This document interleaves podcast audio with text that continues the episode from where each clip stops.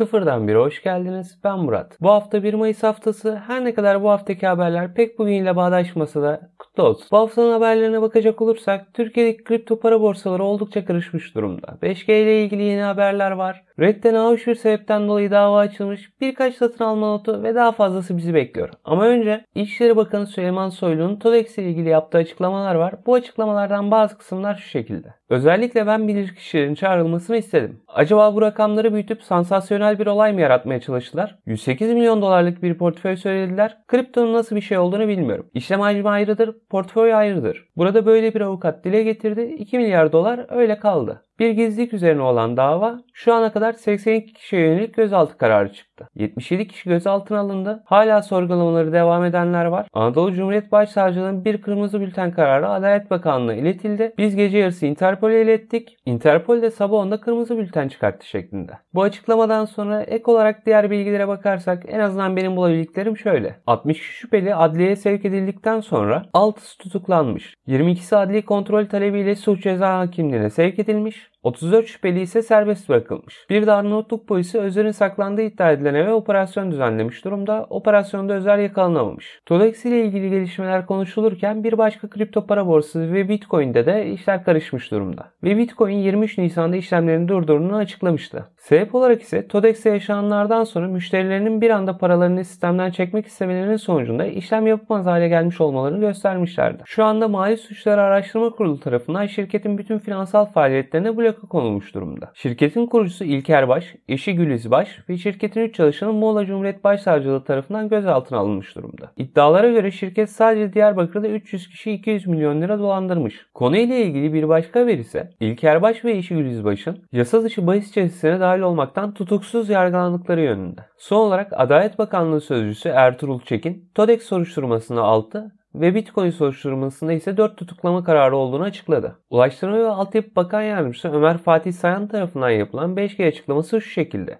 2020 yılında 5G test şebekelerini deneyerek önemli bir başarı gerçekleştirmiştik. 2022 yılında frekans ihalelerimizi tamamlayarak 2023 yılında ilk 5G sinyalini vatandaşlarımızın hizmetine sunmayı hedefliyoruz. Google 2020 yılı içerisinde kuralları ihlal ettiği gerekçesiyle 962 binden fazla uygulamanın Play Store'dan kaldırıldığını ve bu uygulamalarla ilişkili 119 bin geliştirici hesabının kapatıldığını açıkladı. Gelelim Reddit'e. Reddit genelde ilginç olaylar veya güzel olaylarla anılır ama bu sefer işler pek öyle değil. Olay ismi açıklanmayan bir kadının eski erkek arkadaşı tarafından 16 yaşındayken çekilen müsteşem fotoğraflarının Reddit'te yayınlanması ve platformun bu olayla ilgili harekete geçmemesi üzerine dava açması. Dava başvurusunu platformun çocuk istismarı ve benzeri konularda içerik politikalarını bilerek gevşek tuttu. Bu tarz konularda gerekli mercileri raporlama yapmadı ve insan ticareti mağdurlarını koruma yasasına aykırı davrandığı gerekçe gösterildi. Reddit tarafından yapılan açıklama ise çocuklara yönelik cinsel istismar materyalinin Reddit platformunda yeri yoktur. Yalnızca yasayı takip etmekte kalmayıp bunun ötesine geçen politika ve prosedürleri de aktif olarak takip ediyoruz şeklinde.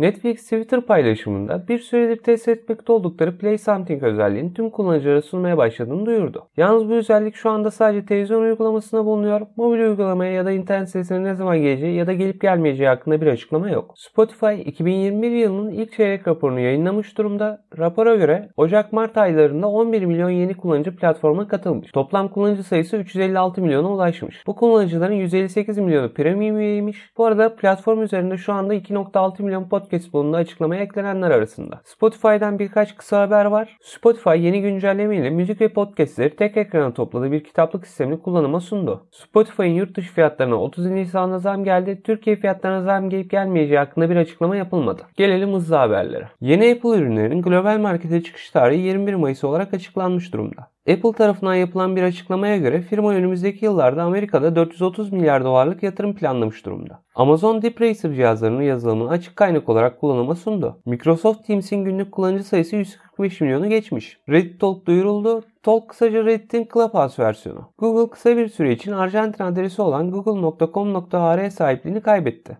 geri almış durumdalar. Ama bu kısa sürede alan adını alan kişiye ödeme yapıp yapmadıklarını açıklamadılar. Sony PlayStation Mobile uygulamasının Android üzerinde 100 milyon indirmeyi geçtiğini duyurdu. WebRazi Developer 2021 5 Mayıs Çarşamba günü çevrim içi olarak yapılacak. Snap Pixel 8 örtü 7.6 milyon dolara satın almış. Hopi'nin kendi pazar platformunu açmaya hazırlandığına dair söylentiler var. Medipol Global Summit 2021 7-9 Mayıs arasında çevrim içi olarak düzenlenecekmiş. Dijital Çin zirvesinde E-Hank firması tarafından geliştirilen sürücüsüz drone taksiler tanıtıldı. Telegram yakında görüntülü ve grup sohbetlerinin uygulamaya entegre edileceğini açıkladı. Amazon Gaming Store açıldı. Bu haftanın Epic Games'teki ücretsiz oyunu Idle Champions of the Forgotten Realms. Bu haftalık benden bu kadar. Eğer bu konularla ilgilenen tanıdıklarınız varsa paylaşırsanız sevinirim. Haftaya cumartesi ben yine buradayım. Beklerim.